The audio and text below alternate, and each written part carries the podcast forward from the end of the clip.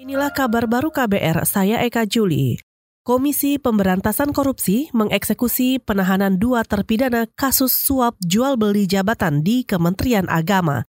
Mereka adalah bekas Kepala Kantor Wilayah Kemenak Jawa Timur Haris Hasanuddin yang ditahan di Lapas Tangerang dan bekas Kepala Kantor Kemenak Gresik Muhammad Muafak di Lapas Surabaya Porong. Juru bicara KPK Febri Diansah mengatakan Haris dan Muafak berstatus terpidana dengan putusan yang telah berkekuatan hukum tetap. Dalam dua hari ini KPK juga melakukan eksekusi terhadap empat orang terpidana dalam tiga kasus yang berbeda. Pertama dalam kasus uh, suap terkait dengan pengisian jabatan di Kementerian Agama. Kami lakukan eksekusi hari uh, kemarin terhadap uh, Haris Hasanuddin dan Muafak.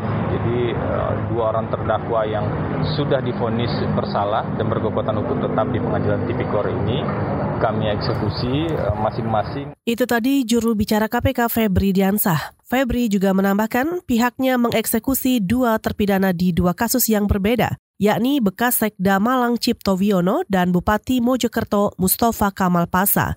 Cipto ditahan di Lapas Madiun, sementara Mustafa di Lapas Surabaya Porong.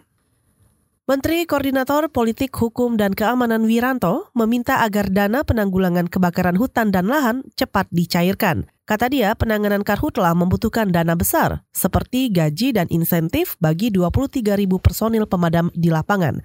Menurutnya, pembiayaan ini bisa memakai dana tanggap darurat yang telah dialokasikan lebih besar ketimbang tahun lalu masalah pendanaan ya sudah ada kebijakan untuk bisa percepatan pengeluaran pendanaan sebagai tanggap darurat ya. Apa dasarnya apa kriterianya apa ukurannya sehingga sudah bisa menggunakan biaya tanggap darurat. Tapi ini penting karena tadi disampaikan bahwa ya untuk ke memberi gaji insentif kepada personil pasukan untuk penanggulangan kebakaran hutan lahan itu satu orang itu 145 ribu per hari Menko Polhukam Wiranto juga menambahkan penanganan karhutla bisa memakan biaya hingga 3 miliar rupiah per hari.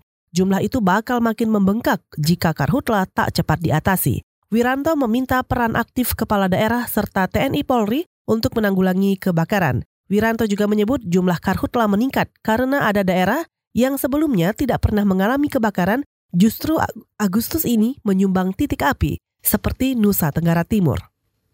Saudara Wakil Ketua DPR Fahri Hamzah menolak wacana penambahan pimpinan MPR. Wacana ini mencuat setelah fraksi-fraksi parpol di parlemen belum bersepakat tentang paket pimpinan MPR. Fahri menilai wacana itu tidak rasional karena hanya bertujuan mengakomodasi kepentingan semua partai. Terlebih, menurutnya, pimpinan MPR fungsinya hanya bersifat simbolik. Saya malah orang yang cenderung menganggap MPR itu sifatnya itu lebih sementara karena kan tugasnya itu cuma melantik presiden. Kedua itu adalah sidang impeachment. Kalau ada limpahan pergantian presiden kalau ada hasil sidang impeachment dari MK. Nah, yang ketiga itu amandemen konstitusi. Tapi itu kan prosesnya juga lama. Tidak rasional tentunya itu hanya simbolik bagi semua partai. Itu tadi Wakil Ketua DPR Fahri Hamzah. Sebelumnya sejumlah parpol mendorong wacana penambahan kursi pimpinan MPR periode mendatang. Beberapa partai mengusulkan pimpinan ditambah menjadi 10 kursi, meliputi 9 fraksi dan 1 DPD. Dengan komposisi ini, berarti seluruh parpol di parlemen akan mendapatkan jatah kursi MPR. Namun Dewan perlu merevisi terlebih dahulu Undang-Undang tentang MPR, DPR, DPRD, dan DPD atau Undang-Undang MD3. Saudara demikian kabar baru, saya Eka Juli.